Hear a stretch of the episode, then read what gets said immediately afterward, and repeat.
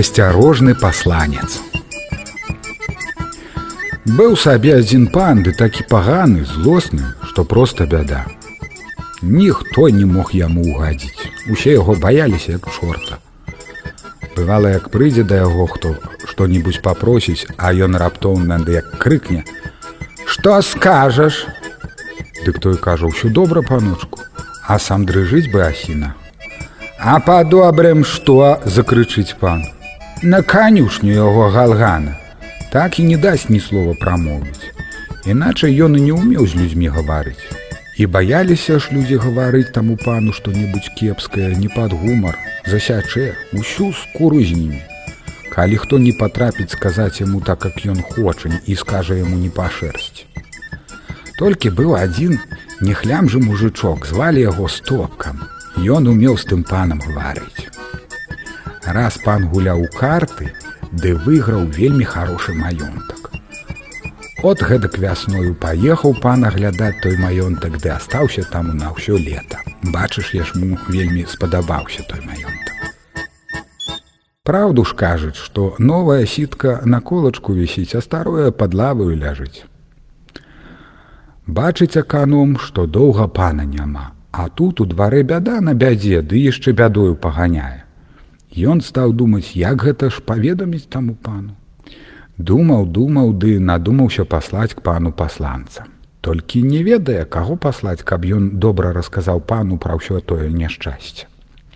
Каго не пашліце, усе не слухаюць, бо баяцца пана, каб запраўду не засёк.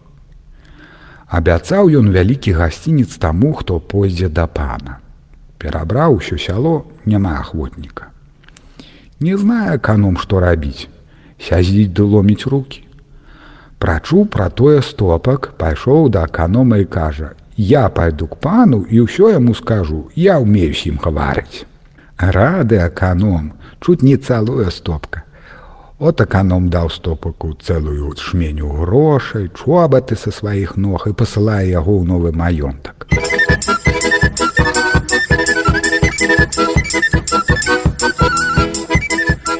Ідзе стопак і ні адной карчмы не мінае.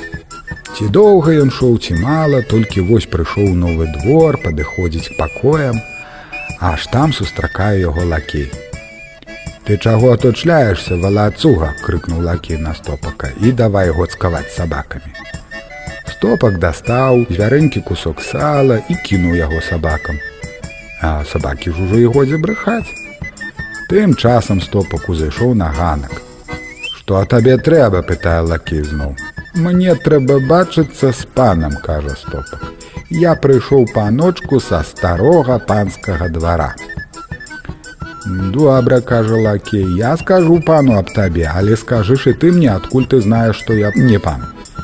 А тулес бачу, ты пан не пана, так сабе полупанак, бо ў цябе нос нізкі, лоб склізкі, от і бачна, што лізаў панскія палуміскі. Хацеў тут лакі схапіць стопака за каўтуны, ды, як кажуць, паслаць яго за валасянога ўпраўлення ў земскі суд. Але тут якраз лакея пазваў к сабе пан. Які там халоп, пытае лакея пан. То пасланы ад пані іспанскага маёнтка. А пакліч яго. Пабег лакей зваць стопака к пану. А стопак тым часам дастаў капашук, напхаў люльку тытуню, вынуў з малагікі губку і камянец, узяў цагала і давай красаць агонь. Выкрасаў ён агню і давай курыць лёлечку. Курыць сабе ды паплёўвае на чысты памост. Ідзі цябе пан кліча, кажа лакі. Не трасца трасе, хай абаждже, кажа стопак і пакурвае сабе лёлечку. Прэндзі ідзі. Зараз зараз толькі вось лёльку да кору. Чакаў, чакаў пан стопака, не дачакаўся гоніць ізноў лакея па яго. А стопака гінаецца, дышавеліцца бы мокрая гарыць. Дакурыў ён люльку, выбіў з яе попел, схаваў за пазуху і толькі тады памаленьку пасунуўся к пану. А лакі бы сабака бяжыць наперадзе ды адчыняе дзверы. Увайшоў стопак пану і закашляўся. Кашляе стопак, а пан чакае ды толькі вусы круціць. Дзень добры паночку, А co powiesz? pytaецца пан. Усё добрае паночку. А па добрым цо? Да от, паночку, мяне прыслаў аканом, панскі сізорык зламаўся. Які то сізорык? Ды гэта ж, мабыць, той, што пану пер'і рабілі. А як жа ж яго зламалі? Кажуць жа пані, што без нажэндзя і вошы не заб'еш. Але ўсякае нажэндзе пры рабоце псуецца, от так і панскі сцізорык. Хацелі пану на боты злупіць, з выжла шкуру узялі сцізорык, а на панскім выжлу вельмі моцная шкура, сцізорык і зламаўся. Якего выжла? Co ты плецеш, галган? Панскі выжал той самы, можа пан памятае, ён яшчэ ўскочыў калодзец. А мікіту паслалі даставаць, дык ён утапіўся там. Эге ж той самы выжаў, што пан любіў браць яго на паляванне. Э ж дай Божа памяці, здаецца мне, што пан нам даў за таго выжла суседняму пану трох мужикоў. Цо ж, мой выджал здэх, здэх, пане. А чаго ж ён здэх? Кажуць, паночку быў здаровы, але як каніна аб'еўся, дык разам з ногі выпруціў. Якей каніны? Ды ж мяса жарабца, якего жарабца? Панскага, буланнага жарабца з лысінкаю. Цо ж і ён здэх, здэх, паночку, а шкада добры быў жарабец. О, я нешчанслівы. Э, пані, чаго вельмі турбавацца, ужо ж вядома, калі жарабятка ўродзіцца з лысінкаю, так я ці здохне, ці вок яго з'есць. А з чаго жарабец здэх? Падарваўся, мабыць. Цо ж на ім рабілі, прэнтко ездзілі ці цо? Не, пані, на ім не ездзілі, заўсёды ён стаяў у стайні. А цо ж, баду пані вазілі. Але ж на цо была та вода. Людзі ж кажуць паночку, што як топішся, то і за брытву хопіся. Як згарэўся ў двары свінух, дык канум вялеў і на жарабцу ваду вазіць. Ці ж і свінух спаліўся, згарэў паночку. А як жа ж ён запаліўся? Бачыш, пані, ён быў блізка каля аборы, от ад яе і загарэўся. То і абора палілася. Гарэла пані, як свечка. А з чаго ж она запалілася? От гэтага паночку добра не ведаю, ці ад абозні, ці мо ад пакояў. Езус Марыя, то і паколі спаліліся. Згарэлі, паня, суздрому ўсё знікла.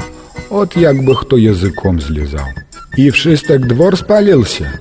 Увесь пані, чыста, гладка, хоць рэпусей. Ухваціўся тут пан за галаву і давай бошкаць.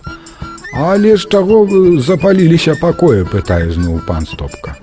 А свечкі, паня. А для чаго то палілі сведцы? Ну як жа пані, ведама, заўсёды свечкі паляць, як хто памрэ. Цо, хто ж там змар?